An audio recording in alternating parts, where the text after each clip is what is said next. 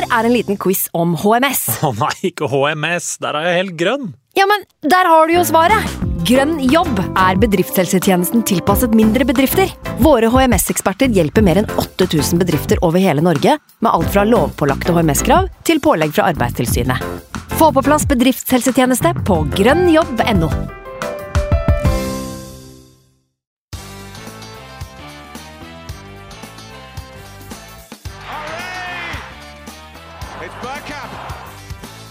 for grabs now! The next station is Arsenal. Velkommen skal du være til en splitter ny episode med Arsenal Station med Magnus Johansen og meg, Simen Goffeng. I dag skal vi selvfølgelig snakke om City-matchen. Arsen Wengers selvbiografi må vi veldig innom. Og som vanlig skal Magnus innom en gammel X-spiller. Ja, vi sitter jo her en uh, søndag morgen, Magnus. Det er et lite eksperiment fra vår side. Vi pleier jo å spille inn på kveldstid, og nå har vi flytta absolutt alt som heter uh, rutiner. Og vi sitter her klokka åtte på morgenen. Hvordan har du det? Nei, som uh, B-menneske, eller Å-menneske som jeg pleier å si, så har jeg det ikke så veldig bra akkurat nå.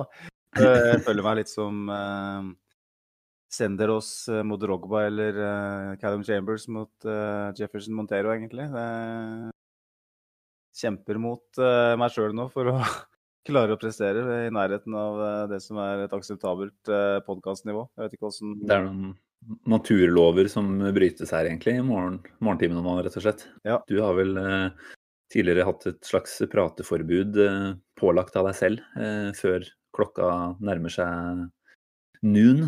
Eh, så dette her er jo rett og slett eh, litt ugreit. Så vi får håpe at vi får en eh, ålreit pod likevel. Ja, jeg pleier ikke å snakke så veldig mye eh, før jeg må på, på morgenen. Eh, Det er bare sånn jeg er skrudd sammen. Eh, Jeg vet ikke hvordan du er på morgenskvisten.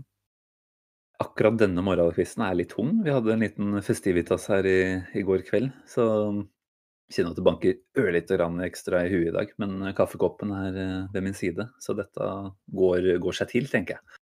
Men nei, eh, kampen i går var jo for så vidt et, eh, et lite litt nedtur, er det lov å si det? Forventa kanskje ikke resultater som var så mye bedre, men, eh, men en enda litt mer spennende prestasjon. Så det å skulle sitte her i dag og prate om nok en litt sånn halvtraust bortematch mot et uh, topplag, det, det får vi jo se hvordan vi, vi takler, da.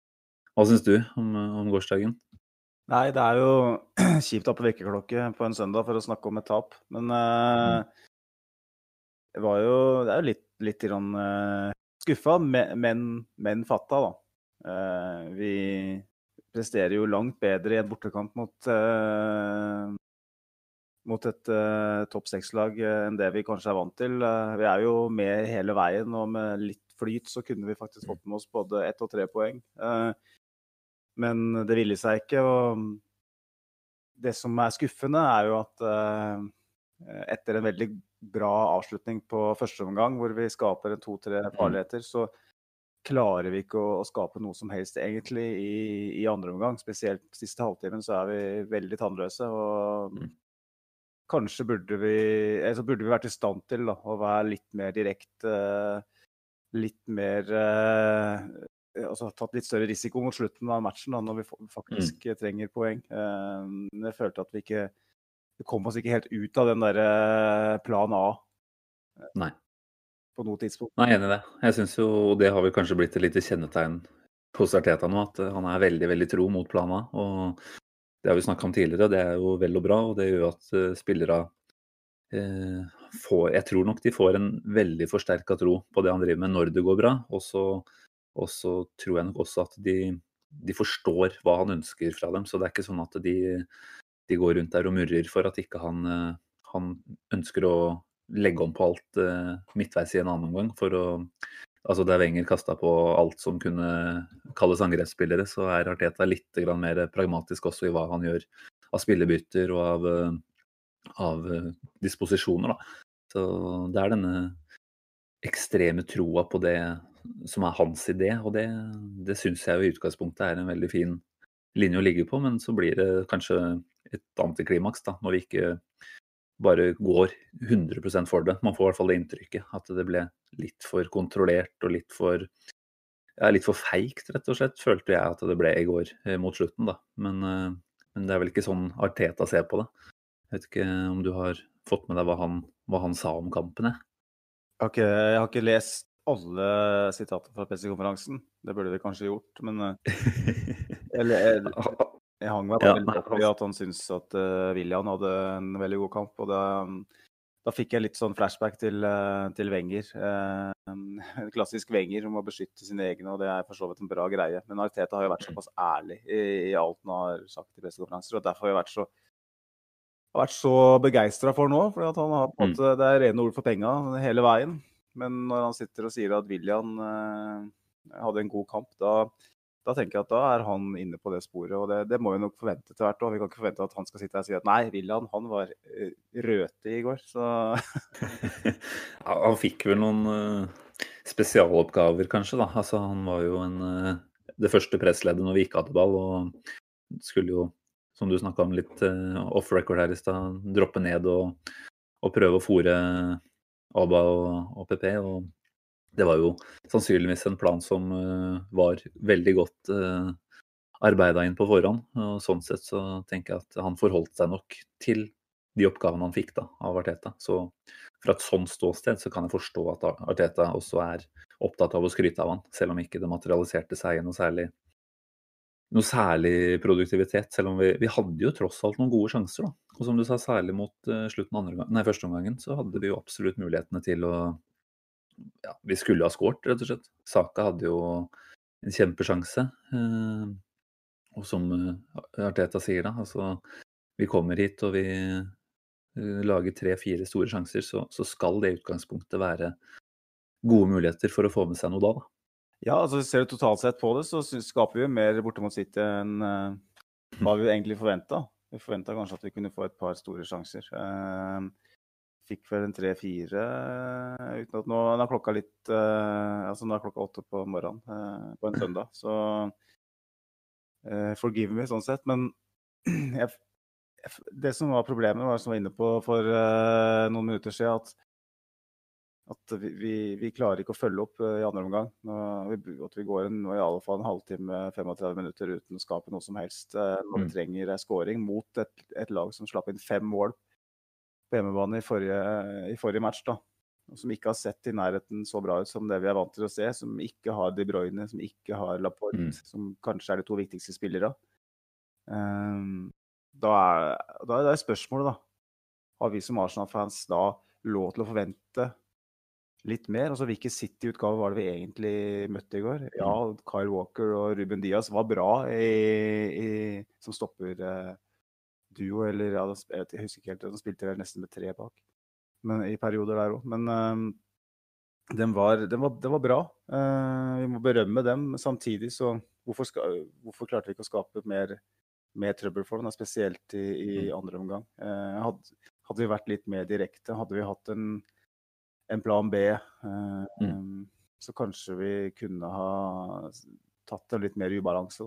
Uh, det følte jeg at vi ikke var i stand til i, i, det, i det, hele tatt. Så nei. Um, det er litt vanskelig. Jeg, liksom, jeg, blir, jeg rives og slites litt uh, mellom to uh, tankeganger. Den ene tankegangen er den som måtte er gjeldende gjennom hele sesongen. at jeg har veldig troa på Arteta og prosessen.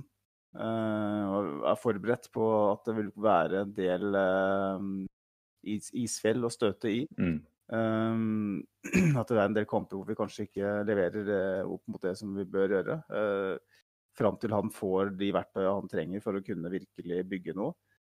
Men uh, mellom det og, og det å, å, se en kamp isolert sett, en enkeltkamp, når vi ser et City som er såpass svekka, uh, tross alt, så, så, er det jeg synes det er skuffende at vi ikke, ikke klarer å, å true dem mer. da. Ja. Ja, nei, altså Såpass svekka, sier du, men det er jo allikevel en elver de setter på der, da, som er eh, ekstremt god, da. Og det er klart Når de har Laporte ute og kan erstatte han med en 40 millioners uh, Nathan Ake, som selvfølgelig ikke er like god, men uh, når du parer opp han med Ruben Diaz og en Kyle Walker ved siden av der, så er det klart det er jo et uh, forsvarsledd som er ganske solid, vil jeg si. Uh, og jeg syns jo at, som, som Arteta sa etter kampen, altså vi er i kampen. Vi kan faktisk få med oss noe herfra hvis vi er mer effektive. Da. Og igjen, hva er det vi skal forvente? Vi har jo blitt vant til å bli trasha totalt i flere av disse storkampene tidligere.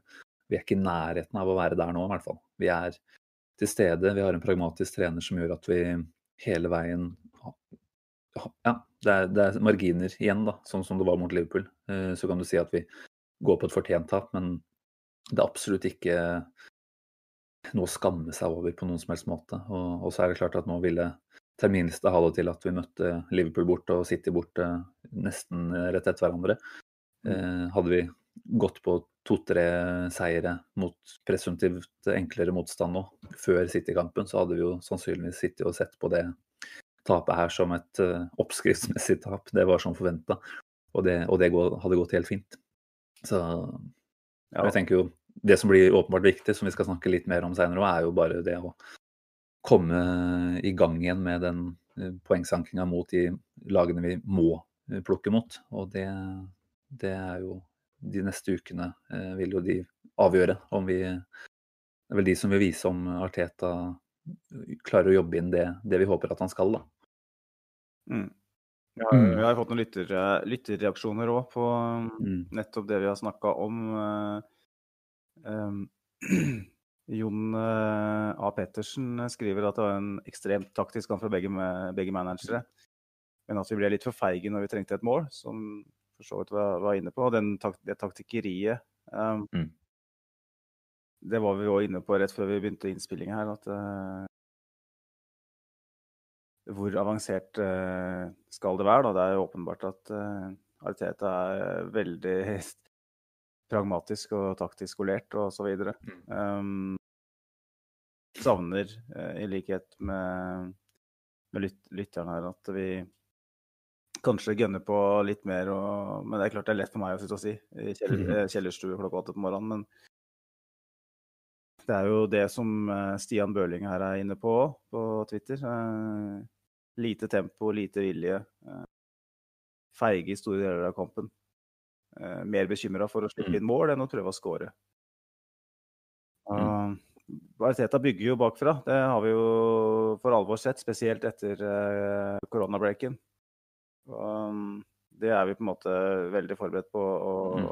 at kan være rett, rett måte. Men hvor lenge, hvor lenge, skal vi være tålmodige på det? Hvor lenge skal vi sitte måte og akseptere at vi ikke skaper eh, noe særlig offensivt? Da? Det er jo det som, er, det er, det som er spørsmålet. Mm. Eh, og så har vi sittet på den podkasten her og, og, sagt at han har ikke de verktøy han trenger, spesielt, spesielt, spesielt midtbaneleddet, til å være dominerende og skapende. Og nå har vi fått inn Thomas Partei, og han spilte jo bare noen få minutter i går, så vi kan ikke mm. liksom, allerede nå begynne å si at uh, nei,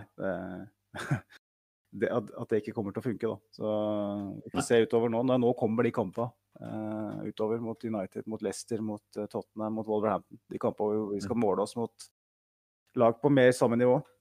Mm. Absolutt. Jeg tenker det aller viktigste her, det er jo at spillere har troa på det Arteta jobber med på treningsfeltet hver eneste dag. Altså at de vet hva oppgavene er før de går ut i kamp. Og selv om kanskje ikke resultatet blir som ønsket, så, så har de en opplevelse av at ok, vi fikk faktisk til mye av det eh, vi prøvde på.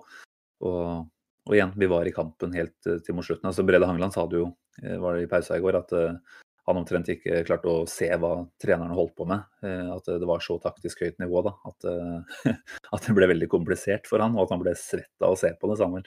Mm.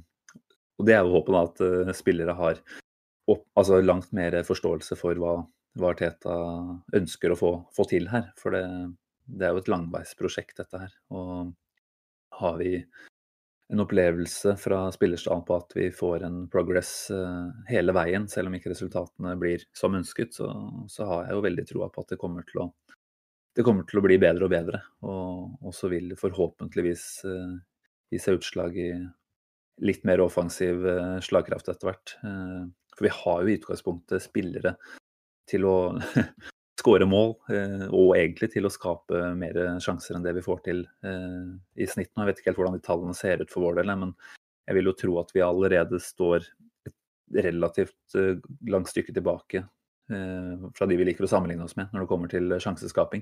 Mm. Så, så, det er Nei, jeg tenker at det viktigste er at spillerne tror på, på det prosjektet til Arteta, og det, det, tror jeg jo absolutt at de gjør fortsatt. Ja, det, det gjør det. Tallet er jo ganske svake. Nå har jeg ikke sett på dem etter kampen i går, men vi lå jo dårlig, veldig dårlig an foran kampen. Mm. 13.-14.-plass eller noe sånt cirka. Vi tok oss litt oppover etter Sheffield United-kampen, og så skapte vi jo for så vidt eh, en god del i går òg, eh, med tanke på at det var en bortekamp mot, uh, mot, City, men det er likevel langt unna der vi skal være. Mm. Petter Borgevatn Myklebuss på Facebook skriver jo at han syns det virka litt slapt og umotivert, både, også i kontringsspillet. da. Jeg føler jo at han har et poeng der. Vi, vi har såpass sterke kontringsspillere i Aubameyang og Pepe. Vi har sett at Leicester dro til Etiad og Jamie Vardy skårer hat trick. ikke sant? Og forventer kanskje at med sånn type spilltype vi har, at vi skal kunne klare å gjøre det litt uh, farligere for dem. Da. Men uh, ja, vi, vi kan jo snakke litt generelt om det her òg. Vi, vi, har en elefant i rommet her, egentlig. Og den elefanten Jeg håper å si heter Aubameyang, det er vel feil å si, men han kommer jo ikke til målsjanser. Ikke i går. Han, kommer, han har jo ikke kommet til målsjanse egentlig hele, hele, sesongen så langt. Jeg så litt, litt på tallene i går kveld. Jeg har jo fulgt med på det her på, siden starten av sesongen. Mm. Han ligger på 67.-plass i Premier League på antall skudd per kamp.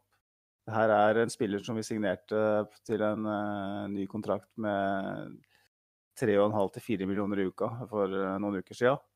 Uh, som ikke har skåra et eneste mål siden den gang. Han kommer ikke til målsjanser. Han, som sagt, på 67.-plass på den statistikken, som er nesten vil si skremmende. Mm. På... Og den toppes vel av de, de vanlige offensive stjernene som vi, vi, kan tenke oss med Mané og Salah og Rashford og Minson. min og det er, vel, det er vel spillere som det uh, som ligger oppe og produserer uh, høye tall da, hver eneste kamp. Ja, altså ja, for jeg, jeg sjekka topp ti i går, så var det i hvert fall eh, Mané, Salah, Calvert Lewin og Harry Kane. i hvert mm. fall der inne der. Og det, det er jo spillere som har skåra en god del mål. og det, mm. det, det, henger jo åpenbart sammen. Uh, og når vi har en, eh, en, en, spiller som vi alle vel er enige om at uh, ikke kanskje er den beste spissen i oppbyggende, uh, noe mer er rett og slett er en ekstrem målskårer mm. som ikke kommer til målsjanser. Da har vi et problem som må løses. Det er den største floka vi har akkurat nå. Uh, mm. Og hvis, uh, hvis vi ikke finner noen løsning på det, så da har vi et vanvittig problem. Fordi det er den eneste spilleren vi har som jeg virkelig stoler på foran mål. Uh, jeg mm. stoler på at hvis han får nok sjanser, så kommer han til å skåre mye. Så mm. Jeg vet ikke hvordan du, eh, sånn, hvis du ser bortsett fra tallene, hvordan du opplever Aubameyang eh, sine bidrag i løpet av, av de kampene vi har sett så langt? Han har jo vært eh, Ja, altså Liverpool borte, så var han jo bortimot usynlig. Eh, bortgjemt på, på venstresida der eh, store deler av kampen. Eh, igjen, det er kanskje dårlig gjort mot han og, han er jo en del av et system her, han også, selvfølgelig. Men men jeg savner jo at eh, det går an å flekse litt mer da, imellom eh, eh, skal vi si, hvordan forflytningene skjer underveis i kampen der òg. At det blir litt fastlåst. og Nå vet vi at det fungerte godt på slutten av forrige sesong. Det fungerte godt mot City og Chelsea for så vidt i FA Cup-kampene på slutten av forrige sesong. Og det har kanskje rett og slett blitt litt for forutsigbart og enkelt for motstandere å, ja, forvente hva som kommer da, på den venstre siden der. Eh, jeg tenker at Arteta bør se nå at det ikke funker eh, særlig bra. I hvert fall ikke sånn at det skal være det eneste vi, vi har å komme med. Da. Eh, der må vi tenke litt annerledes nå, syns jeg. Og så er det ikke så enkelt som at man setter Aubameyang opp på spissplass, og så løser alt seg derfra. Eh, jeg tenker at det er jo hele lagstrukturen som, som, er en del av dette her. Mm. Men, eh, men, i bunn og grunn, som du sier, altså eh, Aubameyang er vår soleklart beste avslutter. Og vi må sørge for at de få sjansene vi kommer til i løpet av en kamp, i hovedsak faller til han. da. Eh, nå snakker Arteta i går om at vi har tre-fire store sjanser. Men er det egentlig tre-fire store sjanser når det ikke er en skikkelig målskårer som kommer til sjansene? Eh, sjansen blir jo mye, mye større når du har en Aubameyang på slutten av den, og ikke en Altså, ikke til forkleinelse for noen av de andre, men, men vi forventer at han skårer på de sjansene her. Og håper selvfølgelig at andre gjør det òg, men, eh, men, jeg tenker at han Det er han da vi må få opp i de posisjonene enda oftere. Og det, det må rett og slett løses. Eh, jeg tror kanskje noe av det løser seg ved å møte litt dårligere motstandere, selvfølgelig.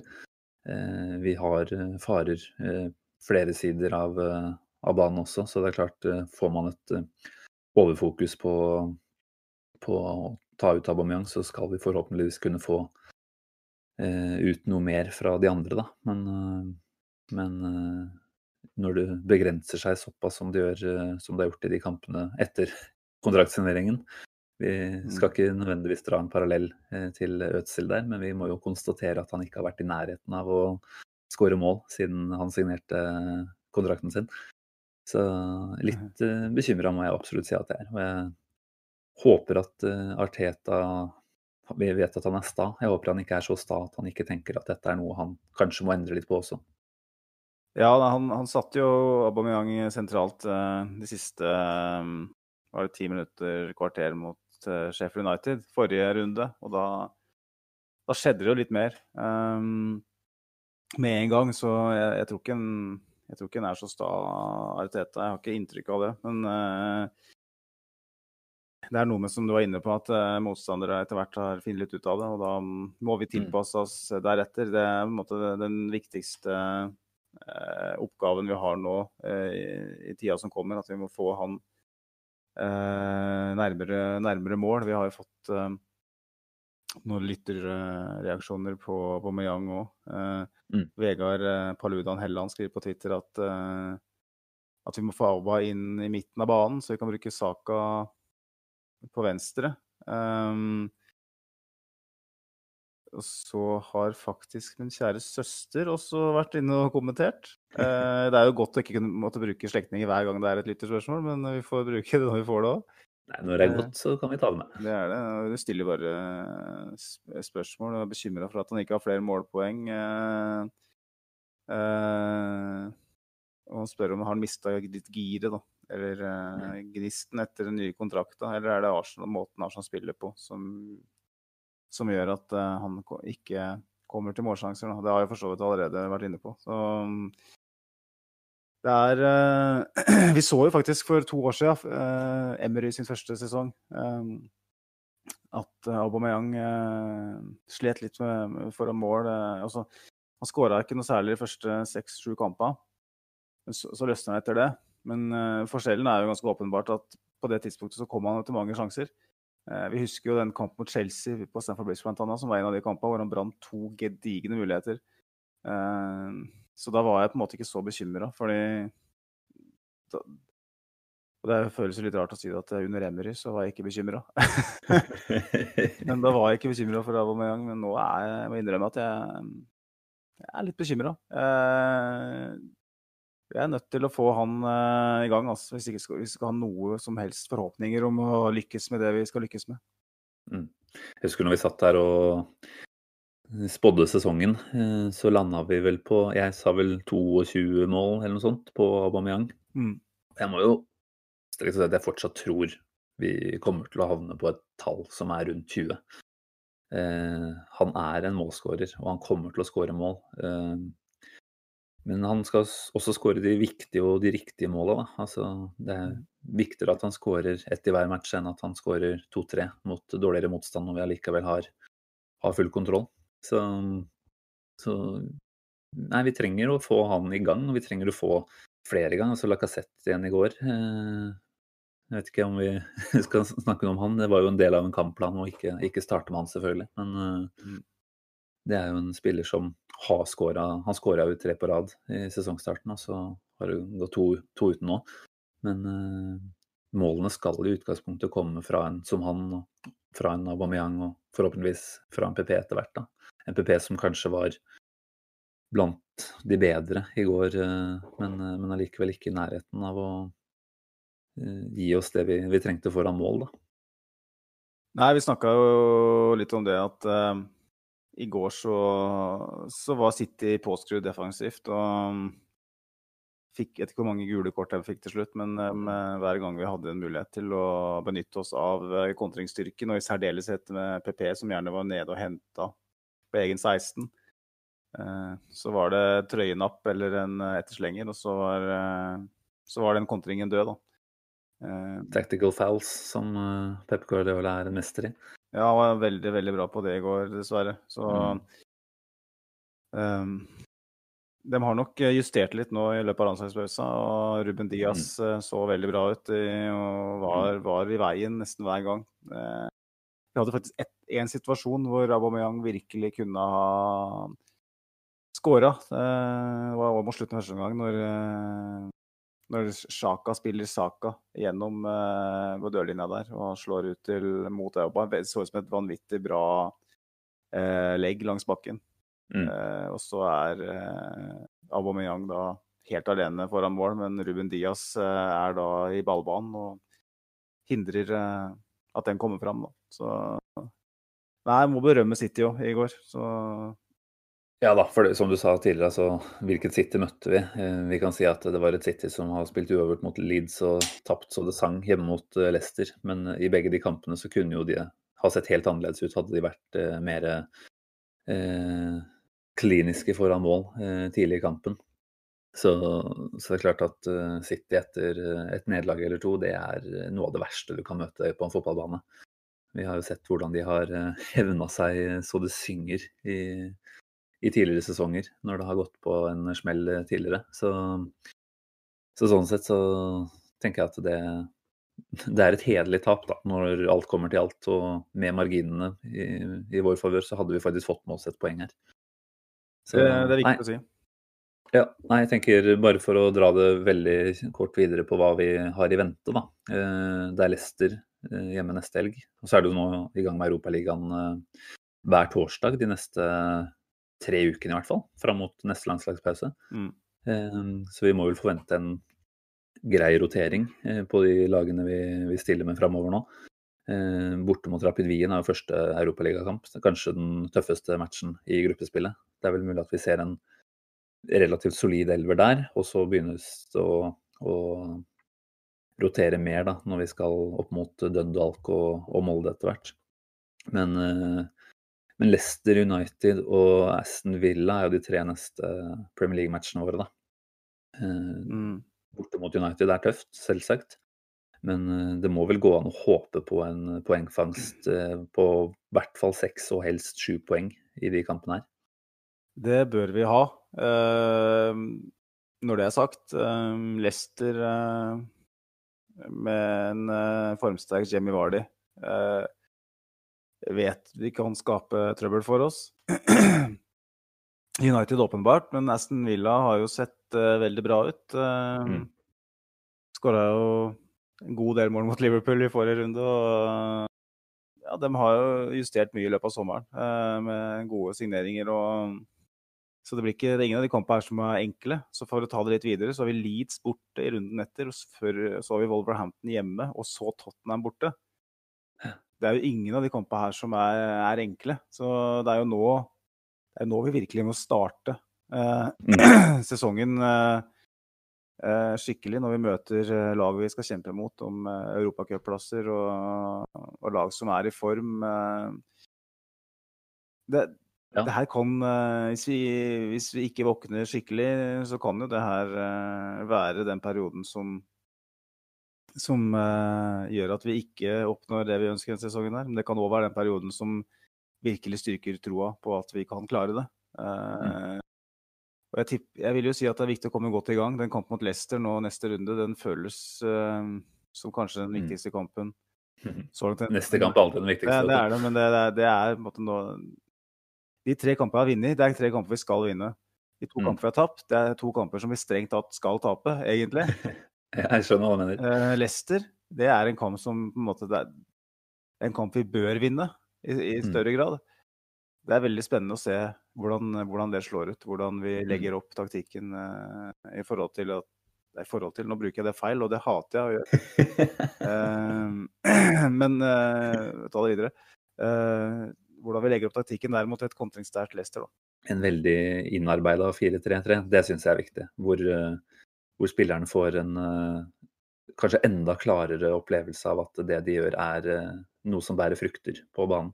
Eh, Thomas Party må vel forhåpentligvis inn fra, fra allerede den Leicester-kampen, eller hva tenker du? Eh, alt mm. tyder vel på at han er fysisk fit og, og klar, da. Så det er ikke noe å vente på. Må innarbeide han i hvert fall. Nei, vi, vi, vi, håper jo at han kan være nøkkelen. Eh, det snakka vi om i den overgangsspalten vår i hele sommer. At vi, vi, trenger et eller annet på midten. Det er der nøkkelen er for å kunne hva skal jeg si, å løse opp i det der litt rigide som vi, vi ser nå. Mm. Uh, en spiller som kan ta med seg ballen uh, gjennom ledd og skape overtall offensivt. Uh, og gjøre oss bedre i omstilling offensivt. Det, det, det er savna. veldig savna. Og vi satt jo og jubla og sto på bordet og dansa osv. på overgangsvinduet siste dag fordi at vi fikk han inn. og da, da må vi håpe at han går inn ganske raskt og, og ja, begynner å, å, løse litt på den, på den floken. For det, mm. det, vet vi at han kan, og da, da håper jeg virkelig at han, eh, at han kan være, være the missing link. Mm. Men hvordan er det du ser for deg eh, vår beste startelver, da? Hvis det er lov å stille et så enkelt spørsmål? Ja, Hvis, jeg skulle gitt meg den hjemmeleksa i går, så, men eh, nei, jeg skal, eh, skal tenke litt på det. Vi har Keeperen trenger ikke å snakke om, det er Runarsson. Uh,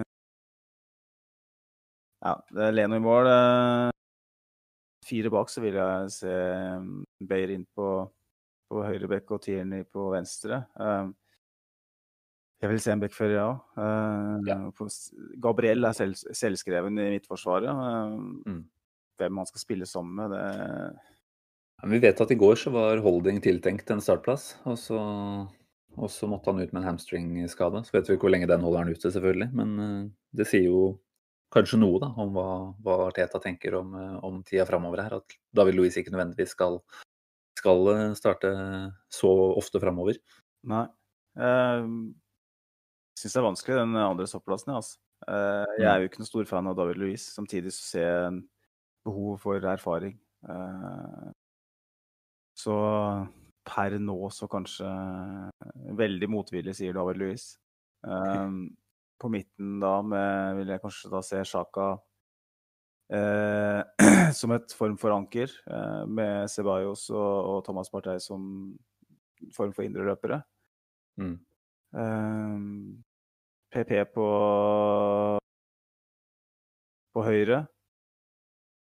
Uh, jeg syns det er vanskelig med den venstrekanten. Altså hvis skal, mm. uh, jeg vil jo gjerne se Aubameyang inn sentralt, da, men uh, for å få på plass en elver med de beste spillere, så føler jeg at da får jeg Lacassette sentralt da, og Aubameyang på venstre. Jeg vil ha helst mm. ha William ut av elveren, for jeg syns ikke han bidrar med all verdens så langt. Nei, jeg er enig.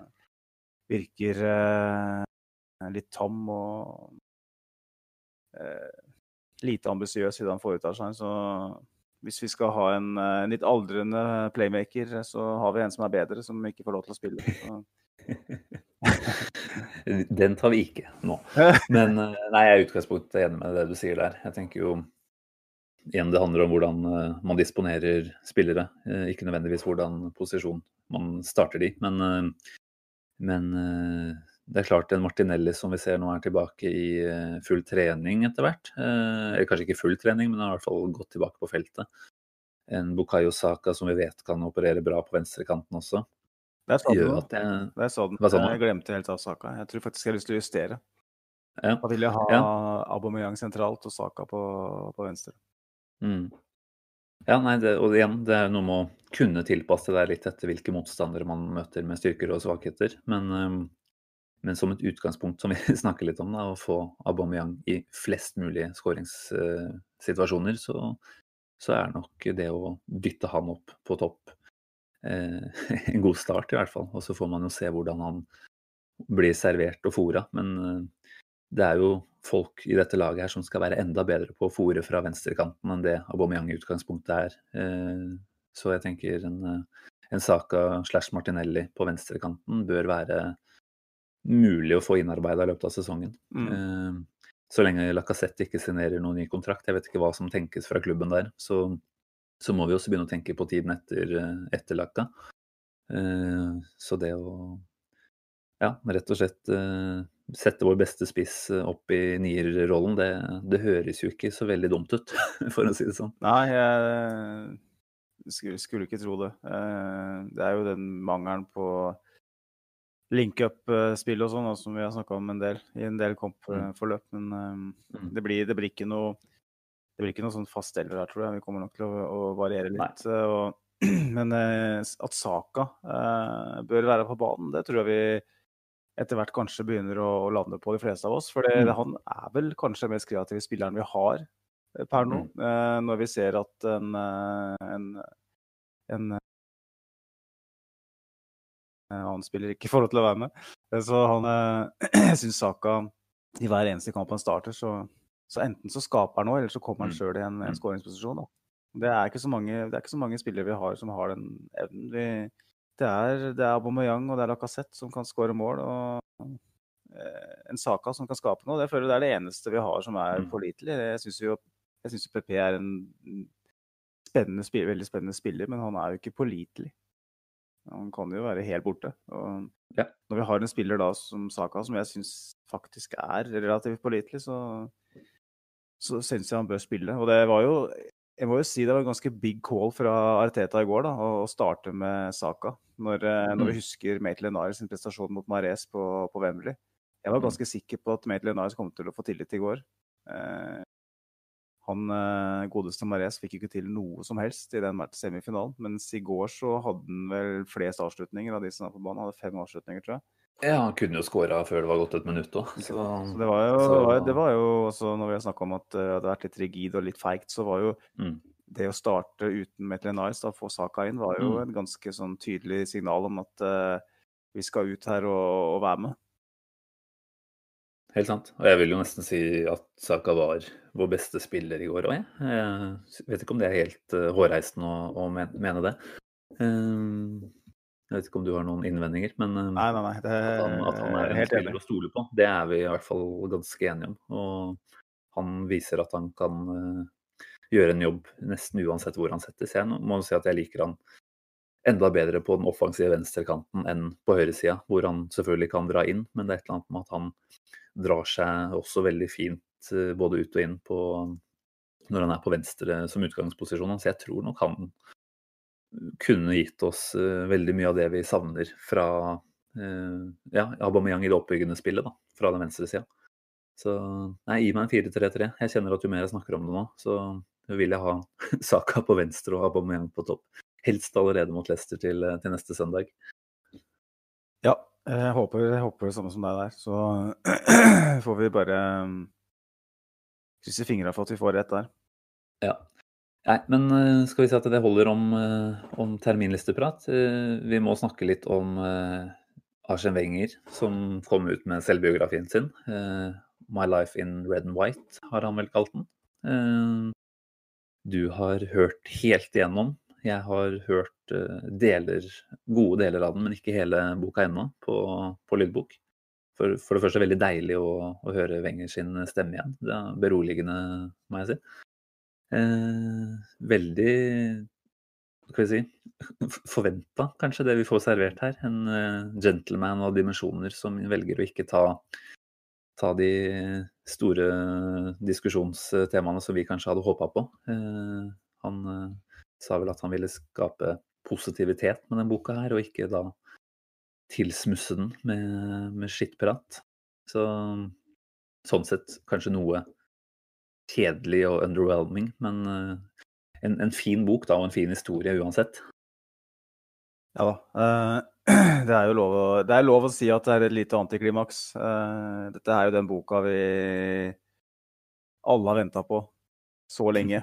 Mm. Timingen gjør jo at, at vi ikke rasler med sablene, for så vidt. Hadde den kommet rett etter at han gikk av som Arsenal-manager i 2018, så hadde det nok vært eh, mer eh, skuffelse å spore hos, hos folket. For da var det liksom litt mer aktuelt, litt mer hett, det som uh, temaet Arsenal Wenger, da. Men ja, det var Det hadde kanskje òg vært litt grann skuffende hvis han plutselig har gått helt mot seg sjøl og begynt å kaste folk under bussen og, og alt sånt. Så jeg er både litt letta og litt skuffa.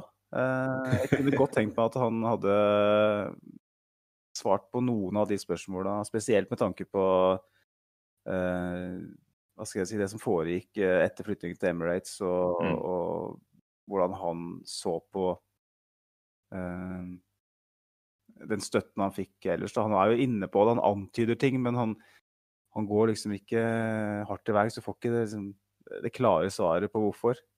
Eh, og så er det jo selvfølgelig veldig mange sånne eh, enkelte eh, ting, sånn som enkeltspillere, og hvorfor den og den ble foretrekt, og, og hvorfor den og den ble solgt. Og han svarer jo på ganske lite av det vi egentlig lurer på. Mm. Men no, noe er det. Hvis du leser litt mellom linjene, så, så får du svar på en del. Så ja. Ja, nei, jeg tenker eh, det er jo interessant å Altså, vi visste jo hvordan personen Wenger var skapt, men det er klart når man hører om hele oppvekstmiljøet hans og hvordan han han vokste opp uten at det var noe særlig tilrettelegging på fotball. Eh, de måtte finne ut ting på egen hånd. Og det var jo noe man gjerne kunne, kunne se at uh, man kunne se det igjen da når han selv var trener. At han sa jo ofte at det var opp til spillerne å finne ut av ting. Uh, mm. Pausepratene ble vel etter hvert kjent for å inneholde svært få ord. dette får spillerne ordne opp i sjøl. Han fikk jo selv veldig god tid eh, av sin trener eh, da, han, da, han, spilte selv. Og det var vel også noe han ble kritisert på mang en gang for å være vel tålmodig og ikke evne å ta de kanskje litt eh, harde, harde, beslutningene om å utelate visse spillere etter, eh, etter litt for mange dårlige prestasjoner eller skadeproblematikk og sånt. Så det er interessant å se hvordan Wenger eh, og hans ideer eh, ble skapt allerede fra, fra hans unge alder. Mm. Eh, så er det selvfølgelig, som du sier, det er savnet flere konkrete eksempler da, på, på, de store samtalepunktene. Jeg syns jo det med van Persie var et noe interessant poeng. da, Dette hvor han var vel det året etter, bare, at uh, van Persie Nei, det var vel ikke sesongen etter, men i hvert fall etter hvert, da, hvor van Persie ønska å komme tilbake. Gjorde han ikke det? Ja, 2015 eh, var det vel. 2015 var det. Det blir jo da det blir tre år For så vidt tre år ja. etter exiten, da. Og hvor det var helt uaktuelt, selvfølgelig. Og det var vel også i, i tilfelle Fabregas, da. Et prinsipp Wenger hadde om at hadde du selv valgt å, å forlate klubben, så så var det ikke sånn at du kunne komme tilbake nødvendigvis eh, når du fant ut at gresset ikke var grønnere på andre siden. Så, Nei, han, han, sa Han nevnte jo Eller ble, det var et intervju med David Ornstein, var det vel kanskje? Ja, for det har jo vært eh, mm. Det er nesten mer interessant det han har sagt i de intervjuene etterkant av boka, eh, hvor han sier at han og Henry og Lehmann og Campbell, som alle har kommet tilbake. Men det var litt andre typer dealer. Det var kortsiktige dealer med, for å, å, tette hull da, der og da. Men, mm. men det, det, som ikke ble nevnt, var jo Flamini, da, som faktisk fikk komme tilbake. Men uh, det er unntaket òg. Mm. Uh, Nei, van Persie, så jeg syns det var interessant det han sa uh, om det som foregikk den sommeren. Det var nesten det mest interessante i Arsenal-delen av boka. Mm. Han sier jo at det var jeg som solgte van Persie. Eh, altså han snakker veldig mye om jeg når han snakker om Arsenal. Eh, vi hadde jo et inntrykk av at han var eh, At han, han, styrte alt og var nærmest en slags eh, Jeg vil ikke si diktator, for det ble et veldig sånn negativt ladet. Negativt, ja. Men han var en, mm. han var en eh, han, Det var jo han som styrte hele klubben. Og det mm. var også mye av problemet, men det, det er en annen sak. Um, han sier at jeg solgte den til United, det var jeg som forhandla dealen. Og han mener sjøl at han fikk ei god avtale. 24 mm. eh, millioner pund for en, eh, en, spiller med ett år igjen av kontrakta. Eh, men jeg er jo litt uenig med Wenger. Det er ikke noen god avtale når du selger den beste spilleren din til en konkurrent som da går og vinner ligaen på bakgrunn av det. Mm. han sier at han kun hadde klubbens interesse i fokus. Igjen, jeg, er ikke helt enig i det, men for Han er veldig opptatt av å snakke om det at etter 2010 så, så, så forsvant på en måte det presset fra, sta, fra den, den gjelda da, som gjorde at vi ikke kunne konkurrere mm. uh, i det hele tatt på overgangsmarkedet. At da fikk vi plutselig muligheten til å gjøre det. og da forstår jeg ikke helt hvorfor du er tvunget til å selge den beste spilleren din til en, til en konkurrent. Da. Um, Nei, altså Vi kan jo ikke komme utenom at eh, van Persie selv var en pådriver i dette her. Han, han ønska å vinne ligaen fort som mulig, og hadde vel dessverre mista litt troen da, på det som uh, skjedde i Arsenal, med tanke på ja. at uh, Nasri og, og Fabregas uh, gikk, gikk, sommeren før, var det vel. Men det, han sier jo, Wenger sier jo det, og det syns jeg det er kanskje et stikk. Det er kanskje et, en Wengers måte å komme med et stikk på. veldig, veldig vagt. Eh, men han, eh, men han, sier det at eh, vi kunne ikke matche eh, lønnstilbuda fra Manchester United. Som mm. antyder to ting. Det antyder at, at Arsenal sitt eh, eier og styresett ikke var villig til å til å backe Wenger eller Arsenal eh, på det punktet, hvis de helt tatt var i stand til det. Da. Det er jo spørsmålet. Mm. Men det antyder òg at, at den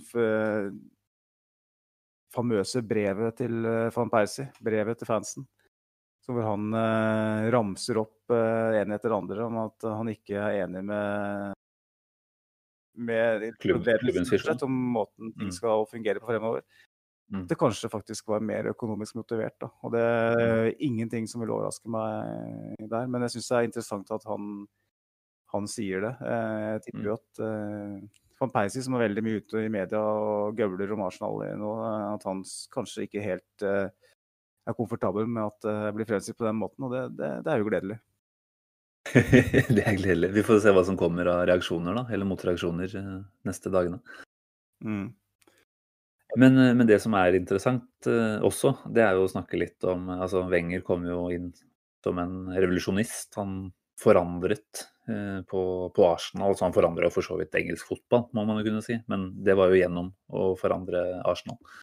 Eh, kom inn med ideer som, som rett og slett tilhørte framtida. Eh, omstrukturerte deler av klubben. Eh, nå har Arteta kommet inn, eh, og han har jo kanskje ikke revolusjonert akkurat på samme måte, men det har jo skjedd en ekstrem eh, forandring i klubben siden, siden Artetas inntreden nå. Og vi vet jo at han er en manager som Wenger var den siste til å bli kalt. Jeg tenker jo at vi må klare å trekke noen paralleller mellom disse to. Ja, altså, det er jo som du er inne på, veldig forskjellig, da. Wenger kommer inn i en klubb eh, hvor han må rydde opp i en drikkekultur og eh, hva skal jeg si, en, en, en levemåte utafor banen som ikke er forenlig med å være en toppidrettsutøver. Sånn i alle fall i moderne sammenheng. Mm. Eh, men likevel hadde mange, veldig mange vinnere eh, i en garderobe. Da. Du hadde en eh, famous back four, og du hadde Ian Wright, eh, Paul Merson, Ray Parler, Dennis Bergkamp altså, personligheter da, som du gjerne tar med deg i krigen.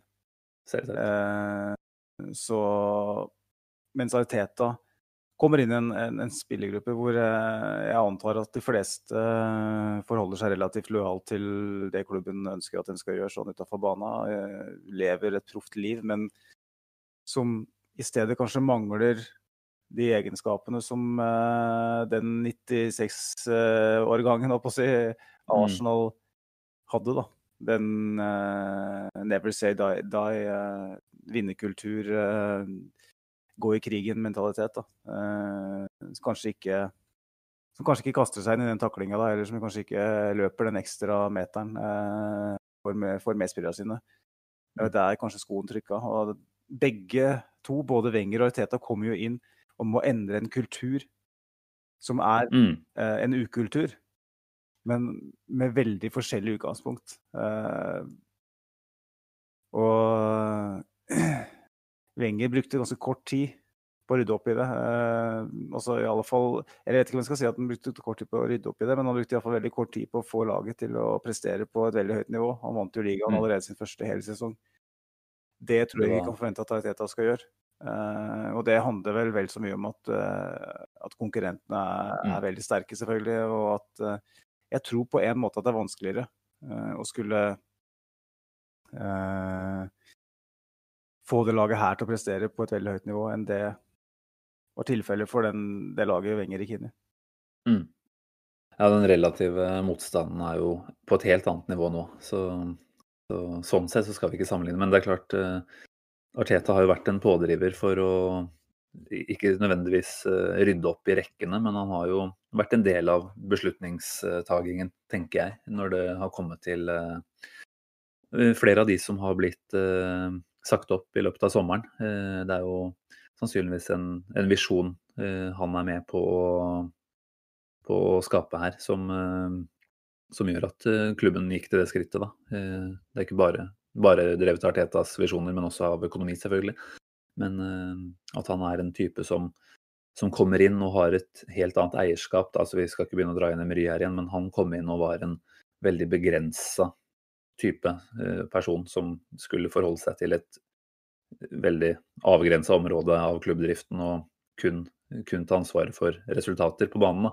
Mens eh, i, i Arteta nå så får vi inn en litt mer wengersk type da, som ønsker å ha en mer total oversikt og eh, rett og slett eh, sørge for at klubben som helhet eh, dras på, på en og samme måte, og at han ønsker å være den som eh, har et av de siste ordene når det, når det tas avgjørelser. Da. Ja, og eh, Så, Um, for ikke spore altfor mye av, så tenker jeg at vi kan gå tilbake til utgangspunktet som er boka. Og, for der snakker jo Wenger litt om nettopp det her med eh, litt for stor organisasjon, da. Eh, når Mm. han tok over i, i 96, så var det 70 ansatte i, den, i, i, i organisasjonen. I 2018 og av, så var det 700. Uh, og det var 200 bare i akademiet. Um, han mener at prestasjonskulturen blir påvirka og samholdet osv. For at det, at, Mm. at det blir for mye fokus på uh, spesielt det kommersielle, da, markedsmessige. At det, det er vanskelig å liksom, skape en prestasjonskultur når, det, når organisasjonen blir så stor. mm, Og det er jo et eh, Hva skal jeg si? Jeg vil ikke si at det er et stikk, på en måte, men eh, det er jo Han prøver å forklare hvorfor han slet med å skape eh, vinnerlag da, eh, mot slutten av karrieren sjøl, men selvfølgelig og, og begrunner det med, med at han har et veldig ungt lag, og at det er eh, At han ikke har ressurser til å kjempe med Chelsea og med City og med United. Så er det et forsøk på en forklaring. Eh, det syns jeg var eh, en av de mest interessante eh, tinga i, i boka. Mm. Og at Teta nå kommer inn, da, og hvis, hvis han har mye med det å gjøre, at han å rydde opp litt i organisasjonen, fjerne en del av de som kanskje ikke bidrar eh, all verden. Vi så jo det allerede når Wenger gikk av, at, eh, og da var ikke Teta i klubben engang, at, eh, at det ble fjerna ganske mange i resultatapparatet da, som kanskje ikke Mm. eh, var med å dra lasset lenger, som bare var ansatt, nærm ansatt nærmest på, på samme måte som hvem som helst som har vært ansatt lenge i en organisasjon, nærmest på ansiennitet. At eh, ja, du har jo en del av det her. Uh, that's it. Mm. Nei, det blir spennende å se om Vi får nok ikke noe, noe reprise av, eh, av den tenuren som Wenger eh, var. Altså 22 år, det er jo noe vi aldri kommer til å se maken til. Men, men jeg tenker jo at Arteta er en type som Altså, jeg- tenker i hvert fall har et ønske om å, om å være i Arsenal i lang tid. Eh, og ta ordentlig, ordentlig eierskap til at denne klubben utvikler seg eh, in the long term, som han også snakker litt om. Han, han er ikke bare ute etter eh, Selv om han absolutt har en pragmatisk side hvor, hvor resultatet er i fokus eh, fra, fra kamp til kamp, så, så ser jeg for meg at han er en type som gjerne, gjerne blir værende i en del år, da. Mm. Om han får muligheten til det. Han, Eh, han, apropos eh, det, altså. Ja, fortsett, bare fortsett. Nei, jeg bare tenkte i forhold til det jeg sier, altså mm, Vi sammenligner disse to, da. Har vi pragmatikeren eh, Arteta, som, eh, som eh, ja, virker å være ganske drevet av, eh, av resultatet, litt sånn koste hva det koste vil. eh, I form av eh, taktikk, mens Wenger var jo en nesten håpløs fotballromantiker som ønsket at eh, Han snakket så mye om at uh, fotball skulle være en art, og at når spillerne kommer på banen og, og, blir en enhet og drar i samme retning, så får du rett og slett kunst. Da, ikke sant? Han, han var jo opptatt av det estetiske og det vakre på fotballbanen. Mm. så der, der, er det kanskje en forskjell, da, må vi kunne si, mellom, mellom de to. Det er det. det er definitivt. Jeg tror vi kan ikke forvente at Arteta er like fokusert på, på å skape Hva skal jeg si uh, Underholdning og, og sånt som Wenger snakker mye om. Og det, det, det, er vi vel på en måte litt glad for òg, eh, i den moderne fotballen, hvor det er så ekstremt fokus på det taktiske og hvor marginene er så små. Så måten Wenger uh, styrte Arsenal på, er en måte å styre en fotballklubb på som hører fortida til. Mm. Um, hvis Arteta i tillegg klarer å få Arsenal til å spille relativt underholdende fotball, så må vi være fornøyd. jeg tenker det. Også. Men det, det jeg syns er litt interessant, er jo, å, for å den parallellen et steg videre, er jo at Arteta virker som en, en fyr som kommer inn i Arsenal nå for å ta kontroll over det aller meste. Det handler jo både om at at han ønsker det, og at klubben ikke har så veldig mange andre i, i organisasjonen som er i stand, eh, stand mm. eller gode nok til å, å, å gjøre det. Men uh, Wenger uh, ble jo etter hvert en, en, en, fyr som hadde litt for mange roller. Mm. Både fordi at han sjøl ønska det. det ser vi allerede når han var i Nancy, var det vel, hvor han liksom begynner å Hva han sa? Han reiste ned til München hver eh, sommer på en sånn messe for å få kjøpe fotballer. Ja, stemmer. Eh, fordi at han fikk eh, gode priser på fotballer. Eh, og i tillegg så kunne han få baller som var eh, designa litt eh, på en måte som gjorde at de var bedre å trene med. Da. Det, er jo, det er jo nesten sånn at jeg tenker at det her er, det her er jo galskap. Det her er ikke bra. Uh, men han, han, han, snakker om at han, han behandler jo klubben om, eh, og klubbens økonomi som den skulle vært sin, mm. sin egen. Da. Uh, det er jo veldig gjenkjennelig, det detaljfokuset. Um, men han, han, drar det så langt, da. Mm. At det, liksom, det, det, handler om han. Uh, og, og, det er han som styrer klubben, det er han som tar avgjørelser hele veien. På alle mulige nivåer. Det er han som bestiller eh, hotell for altså det er På tidlig tidspunkt har bestilt hotell og sånn når han var i Nancy. og sørga, Han sørga for alt. Mm. Ja, han hadde alle hatter. Han hadde det. Men uh, det som jeg syns er interessant i boka, er at fra han tar over Arsenal uh, med David Dean som en veldig sentral figur, uh, så snakker han om at så, veldig mye om vi som klubb. Det er vi som tar de avgjørelsene. Når mm. David Dean forsvinner ut, så blir det jeg. Da snakker han om jeg resten av hele boka. Da er det jeg som har gjort det, det er jeg som gjorde det, det var jeg som forhandla den kontrakta, det var jeg som uh, solgte den spilleren, det var jeg som kjøpte den spilleren. Det var jeg som bygde, sta, uh, bygde stadion. Da var jo David Dean for så vidt uh, Nei, inkludert i prosessen, men mm. det er et tydelig skille. Mm. og det er jo òg altså Det er jo da påfallende nok på det tidspunktet at Arsenal slutter å, å vinne ting. Mm. Selvfølgelig, vi må se det i lys av den økonomiske situasjonen, men jeg syns det er interessant at fra det tidspunktet David Dean forsvinner ut, så snakker Arsenal Wenger bare om jeg. Det var et, et øyeblikk som var litt seismisk i, i Arsenal-sammenheng. Mm. At han forsvant ut der. Så det er jo en av de tingene som, som vi kan se tilbake på og, og tenke at uh, hva hvis? Hva hvis, ja. Mm. Ellers så ja, Ellers så var jo må jeg si at vi, vi snakker snakke mest om den Arsenal-delen av boka. Så var det én ting jeg la til jeg bet meg merke som jeg ble litt skuffa over. Ikke, okay. ikke, ikke av um, Altså, det er først og fremst noe jeg har vært skuffa over i mange år, da, men som jeg hadde håpa på at kanskje hadde en forklaring. Vi snakker om sommeren 2015. Arsenal har akkurat eh, vunnet sin andre FA-cuptittel eh, på rad. Uh, vi hadde noe veldig spennende på gang. Eh, tar det bort, hvis du ser bort fra exit mot Monaco i Champions League, så syns jeg så, så det ut som Arsenal hadde noe spennende på gang med en Coquelin Casorla midtbane som funka veldig bra. Endri hadde en midtbane som, som eh, utfylte hverandre, som var bra, som eh, gjorde at vi kunne eh, være med i toppkamper eh, og faktisk ha en sjanse. Vi hadde en, Øzil selvfølgelig, eh, som var i sin til livsform. Mm. Alexis på plass. Ja, nettopp. Så det, vi, eh, vi satt hele sommeren og sa at vi Førsteelveren er kjempebra, eh, men hva hvis det kommer en skade på Casarla eller Coquelin eller Øzil? Hva, hva da? Hva skjer da? Fordi at det var det som skilte oss, eh, og det så vi alle. Den sommeren var Arsenal den eneste klubben i, i Europa, var vel? Europa, Europeisk. Topp fem-liga i Europa, Mm. som ikke henta en utespiller. Vi henta Petter Sjekk fra Chelsea. Ehm, og det Wenger sier om den sesongen, er at midtbanen har mista sin tekniske plattform eh, når Casolla ble skada. Derfor tok uh, Leicester tittelen.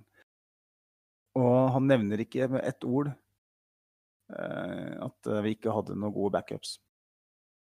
Og, og det er etter at Wenger sjøl sier i boka at, eh, at hva skal jeg si, at de økonomiske lenkene, fotlenkene er fjerna. Nå Mm. er vi med og kjemper. Vi hadde allerede henta Øzil og Alexis, så det økonomiske argumentet er ikke der i like stor grad. Hvorfor i helvete, for å bruke et pent uttrykk, ble det ikke henta en, eh, en midtbanespiller den sommeren? Når vi hadde Flamini og en uh, veldig skadeforfulgt og aldrende Ariteta som, som backup for de to. Ja, nei, eh, jeg også savna jo kanskje litt Altså en litt større grad av selvkritikk eh, på noen områder. Det er godt mulig at det ligger litt selvkritikk i, mellom linjene i det tilfellet her òg, men, eh, men det var jo veldig lett å se allerede på sommeren at dette her var dumt. Altså vi, vi så sterke ut, og da må vi jo selvfølgelig styrke oss og sørge for at den solide midtbanen som vi har, ikke er så sårbar, da. Eh, vi henta vel Elneni på januarvinduet der, men eh, det var, jo, det var jo heller ikke den spilleren vi, vi nødvendigvis trengte for å gi oss uh, muligheten til å, til å ta opp kampen med, med Leicester igjen da, på tampen av sesongen.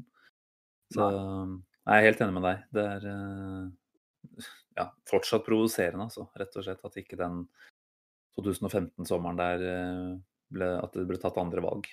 Vi hadde selvfølgelig brukt en solid eh, pengesum, eh, både ja, egentlig de to sesongene før der, men, eh, men at det var penger på bok på det tidspunktet, det, det er jeg vel ganske sikker på.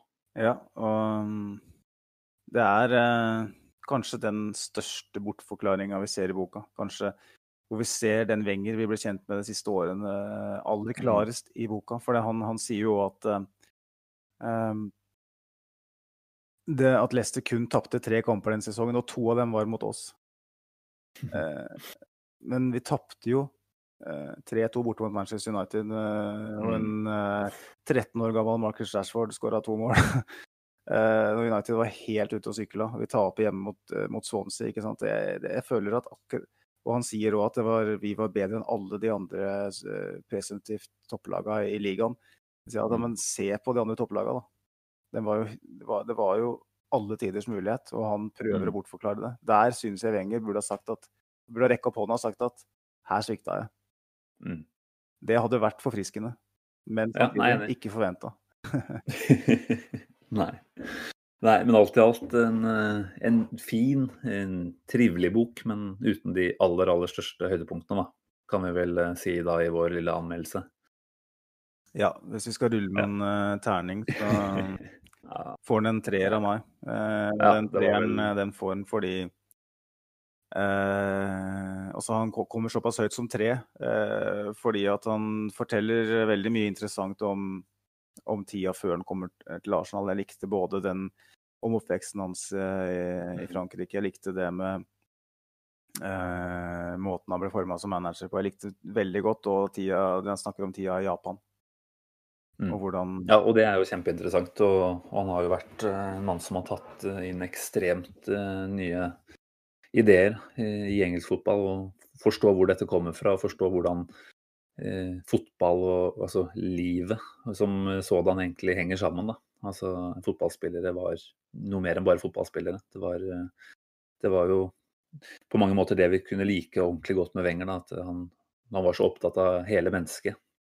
Eh, og en holistisk tilnærming eh, som han hadde, da, med fokus på alle områder i livet. Eh, det, det, var jo absolutt en grunn til at så mange av de han har si, oppdratt i, i, Arsenal opp gjennom åra, ble så glad i han og omtaler han som en farsfigur. At han var, han mm. var så opptatt av hele, ja, hele, hele mennesket bak, da, ikke bare fotballspilleren. Det er et veldig godt poeng. Det, og, og, jeg tror en, en fremgangsmåte som funka veldig veldig godt for 20 år siden. Mm. Historien om George Vea er jo omtalt i boka. Mm. Vea gir jo Wenger hele æren for at han vant Ballon d'Or. Han fikk jo faktisk mm. trofeene til og med. På, på, scenen, var det ikke omtrent det òg? Jo, etter å bli smugla inn der av, av Vea sjøl. Og mm. Anelka òg, som da unnlater å møte opp på spillebussen uh, i 96, siste kampen i 96-97-sesongen fordi han føler at han ikke har fått sjansen av, av Enger. Hvor jeg, jeg tipper at uh, i alle fall uh, eh, 19 av 20 managere ville ha sagt at sorry, du er ferdig i klubben. Når du ikke møter opp når du skal på kamp. Du er tatt ut i kamptroppen, så møter du ikke opp. Wenger reiser hjem til Koffert er så pakka. Han har, han har tenkt seg til, tilbake til Frankrike. Han gidder ikke å være med. Og Wenger snakker med ham og bare sier at nei, men vet du, kom igjen og bli med på spillerbussen. Så får vi se. Uh, kanskje du får sjansen. Jeg har trua på deg, osv. Så, videre. så mm. blir vel uh, var det Ian Wright som ble skada ganske tidlig. Ja, riktig, eh, Anelka kommer inn, gjør en kjempegod kamp. Sesongen etter så er han eh, toneavgivende i en sesong hvor vi vinner det double. Så det er jo Der ser du jo, da, eh, hvor mye det betalte seg at han da mm. valgte å, å, tenke på det viset at her, vi snak, her snakker vi om en, en 18-19-åring med et ekstremt talent. Eh, han kan gjøre feil. Unge spillere gjør feil. Jeg må, mm. jeg må gi det en sjanse. Og mm. det betaler seg i en FA Cup-tittel og en Premier League-tittel. Og 275 millioner til, eh, fra Real Madrid et par år senere. Mm. Strålende. Ja. Nei, da også er det den Vi skal ikke kalle det snillismen, men uh, det var jo også det flere tidligere uh, spillere har omtalt uh, han som, da. Som kanskje for snill, og kanskje for tålmodig og, og ja, rett og slett altså han så litt for mye gjennom fingra når det kom til enten dårlig oppførsel eller, eller, eller han ga, ga, det i hvert fall en forklaring, da, og valgte å, å prøve å forstå istedenfor å bare vri seg unna og sende folk på dør, som selvfølgelig er den letteste løsningen. Så må jo på mange måter si at man har ekstremt mye ære i seg, da, som velger å å, å, gjøre det på den måten her. Men det var kanskje en del av det som ble, ble litt av problemet hans òg. At han, han, ble for tålmodig og, og litt for uh, lite kravstor, rett og slett. Da. Skal vi avslutte uh, diskusjonen om Wenger-boka med et sitat som jeg hørte fra Patrick Geira for en del år siden? Som står ikke i boka. Men han, det er kanskje den beste måten jeg har hørt Wenger bli oppsummert på noen gang. Han ble spurt i et intervju hva er Wengers største styrke? Mm. Tilliten til egne spillere. Så spurte samme journalist hva er Wengers største svakhet? Tilliten til egne spillere. Stemmer det. Det syns jeg var eh, Ja, det er oppsummerende, det. Kjempebra. Mm. Uh, og jeg føler jo at ja, nei, var... Eh, den framgangsmåten han hadde, funka bedre for 15-20 år siden, uten tvil. Mm. Mm. det ga oss uh, de største gledene vi har hatt som fotballsupportere, og sannsynligvis kommer til å ha som fotballsupportere. Jeg tror ingenting kommer til å overgå det Wenger gjorde i Arsenal. Uh, og vi må I stedet for å slakte den for en litt kjedelig bok, så må vi bare sette pris på fyren eh, mm. og det han gjorde for Arsenal. Nå er historien fortalt fra hans perspektiv, og kapitlet Arsenal Wenger i Arsenal for alvor tilbakelagt. Mm. Vi hadde jo en eh, konkurranse ute på sosiale medier eh, der vi stilte det relativt enkle spørsmålet eh, hvilken annen klubb enn Arsenal er Wenger den lengstsittende manageren i klubbens historie? Og svaret på det var jo da ikke overraskende Monaco. som de aller, aller fleste har svart helt korrekt. Det har vel også kommet inn et par eh, semitullete forslag. Det var en som skrev Odd, blant annet. Eh, så, så til den personen, beklager, du blir dessverre ikke med i trekningen. Eh, med tanke på at konkurransereglene er som de er, selv om jeg helt sikkert vet at du visste svaret. Ja, det har kommet inn veldig mange svar. Så det jeg har gjort, Magnus, det er rett og slett å Jeg har kopiert alle alle navn og kommentarer inn fra Facebook, fra Twitter. Eh, og på Facebook så har det jo da kommet inn både på vår side, men også på Arsenal Norway sin side og andre, et par andre supportersider på Facebook. Så jeg har sørget for at eh, alle navn er med én gang i trekningen. Og tanken min nå var rett og slett at jeg har et eh, A4-ark med alle disse navnene på. Eh, jeg fører musebekeren opp og ned, opp og ned i skal vi si fem sekunder. Du sier stopp på et valgt tidspunkt, og da stopper jeg musa. Og så velger vi, velger vi vinneren. Høres det ut som en fornuftig måte å gjøre det på? Ja, det er, tenkte koffert der når det gjelder å stoppe musa, men ja, helt greit. Søndag morgen, Magnus. Vi skal i kjerka snart. Kan ikke snakke sånn. Eh, greit. Jeg begynner, jeg, og så kan du bare si stopp eh, om ja, noen sekunder. Stopp. Der, ja. Yes, da kan vi gratulere Thomas Edvard Gjerde med en bok. Gratulerer. Han svarte jo da riktig, som de aller, aller fleste har gjort. Men uh, den heldige vinneren er altså Thomas Edvard Gjerde. Som da følger oss forhåpentligvis på, på Facebook-sida. Det var et av kriteriene for å, for å, være med i konkurransen, da. Det er et veldig viktig kriterium. Gratulerer til Thomas. Så da, da, da vanker det ei bok i, postkassa. Uh... Vi tar kontakt for uh, adresse og riktig info, så, så kommer det en bok i postkassa om ikke så veldig mange dager. Strålende. Det er godt å være litt gavmild, er det ikke det? Jeg syns det. Eh, det er jo en litt tung eh, søndag morgen for de fleste av oss. Og eh, hyggelig å kunne glede noen i elendigheten i kjølvannet av det som foregikk i går. Ja.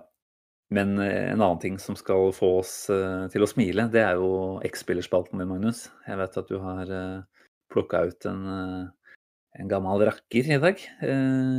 Så jeg er egentlig veldig klar jeg, for å, før vi avslutter her, høre, høre et litt gjenhør med, med, en gammel helt. Eller er det en gammel fiasko kanskje i dag? Jeg vet ikke. Jeg trenger å avsløre noe nå. Jeg tenker at teksten får avsløre det.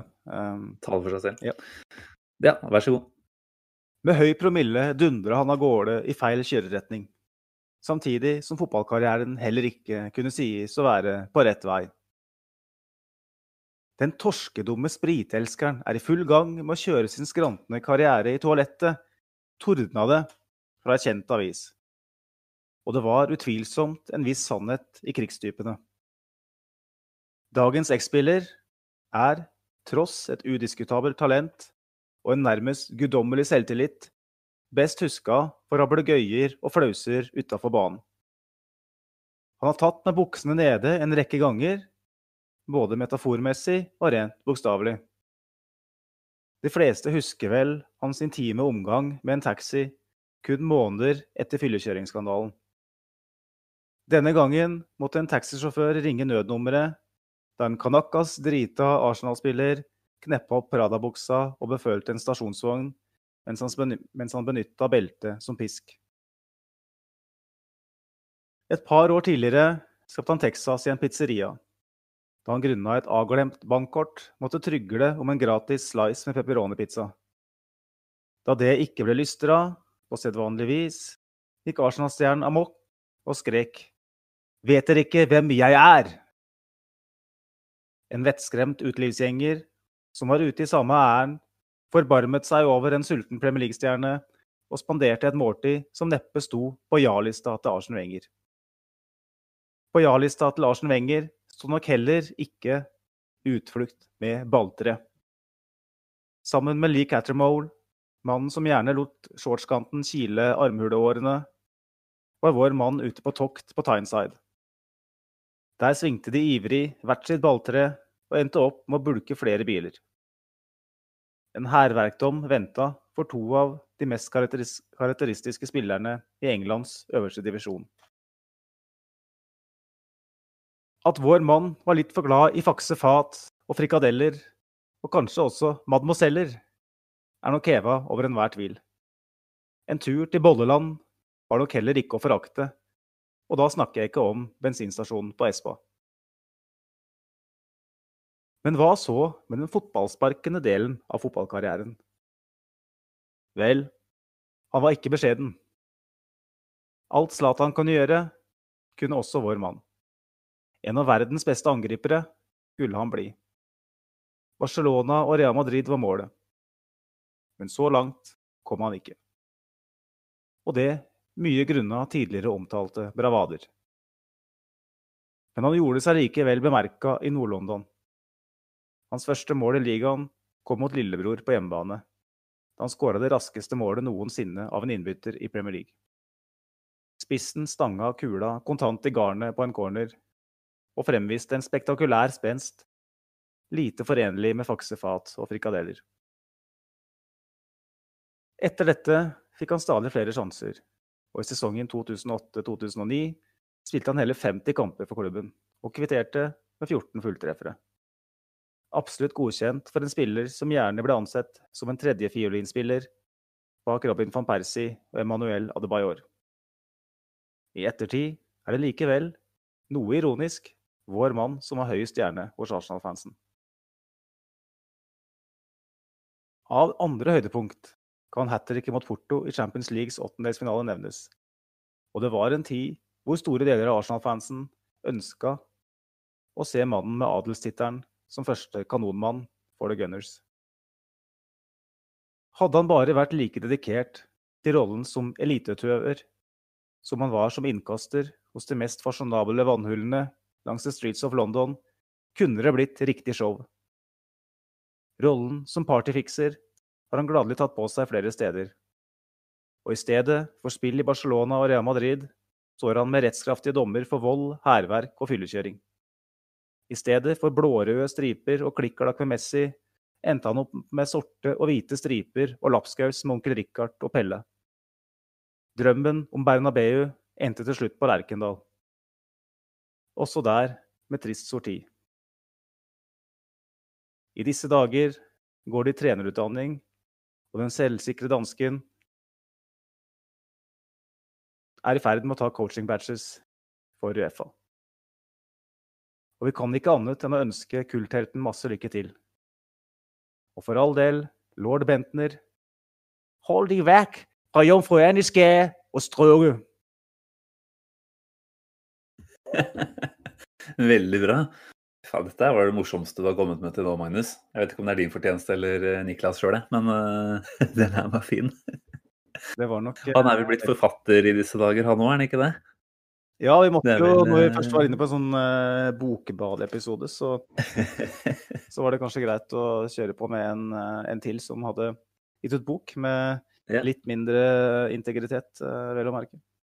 Ja, fy fader, for en fyr.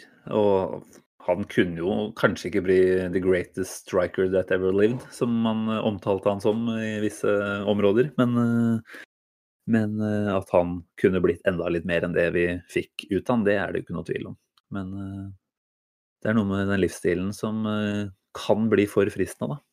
Jeg husker faktisk første The Gunners Post-artikkel som jeg kan huske å ha lest. Nei, det, det var det ikke, men i hvert fall en av de som gjorde mest inntrykk, da, det var et, et, et eh, intervju med, med Bentner da han var akademispiller. Mm. Sånn der eh, up and coming stjerne. Husker jeg at jeg tenkte at dette er en fyr vi må følge med på. Og så gikk det jo det gikk jo ganske bra da, de første åra. Fram til det ikke gikk spesielt bra. Og han og Nikki Bille er vel eh, to av samme sorten nesten der, uten at jeg skal si at den er helt, eh, helt samme typen. Så fy fader for noen blemmer han har gått på opp igjennom. Ja, jeg har jo bare tatt med en liten, et lite utvalg av eh, alle, alle blemmer her i den teksten her. Og um, jeg har jo hørt uh, intervjuer med en uh, nå både uh, på Arsenals eh, offisielle side, men også på Arsblogg har jeg hatt intervju med hvor, eh, hvor han sier at han levde jo levde jo ikke et liv forenlig med å være toppidrettsutøver. Eh, samtidig som hun sjøl mente at han var god nok til å spille for Real Madrid og Barcelona. Og da skrur det for meg, da. Hvordan du kan forene de to uh, punktene der. Ja, nei, det, det, sier vel noe om selvinnsikt og egomengde der, eh, som nok er ganske eh, henholdsvis lav og veldig høy. La oss ikke håpe at Bentner blir Artetas erstatter om noen år. Nei, coaching badges på gang, som du sier, så hvem vet, hvem vet. Han og Jon Arne Riise kan bli et, et drevende dyktig trenerpar etter hvert, tenker jeg. Da er vi redd vi går veien uh, til Macclesfield og Bury. ja, nei, men veldig bra eh, kåseri, hvis man kan kalle det det, dette her, Magnus. Det var, det var, fint. Takk. Og da er vi vel egentlig ved veis ende i dag. Vi har holdt på godt over en time her i dag også. Uh, nå kommer jo kampene på løpende bånd de neste ukene. Jeg vet ikke når vi er, helt, uh, når vi er tilbake, Magnus. Om det blir eh, allerede om en uke, kanskje, etter Leicester-kampen. Skal vi se om vi får til noe der. Ikke love noe, men det hørtes jo spennende ut, syns jeg. Å få, få til en pod etter, etter Leicester. Går den på, mann, nei, på søndag? søndag kveld. Søndag kveld, ja, ok. Så som sagt, uten å love noe, så kan vi, kan vi ta sikte på noe der, i hvert fall. Ja. ja. Nei, det var uh, en kjip, uh, kjip, lørdag kveld. Håper folk har fått en litt bedre søndag uh, med dette her. I mellomtida nå så tenker vi vel bare at det er å nyte høstfargen ute og få med så mye fotball som mulig de neste dagene. Og så høres vi igjen om ikke så altfor lenge. Takk for i dag.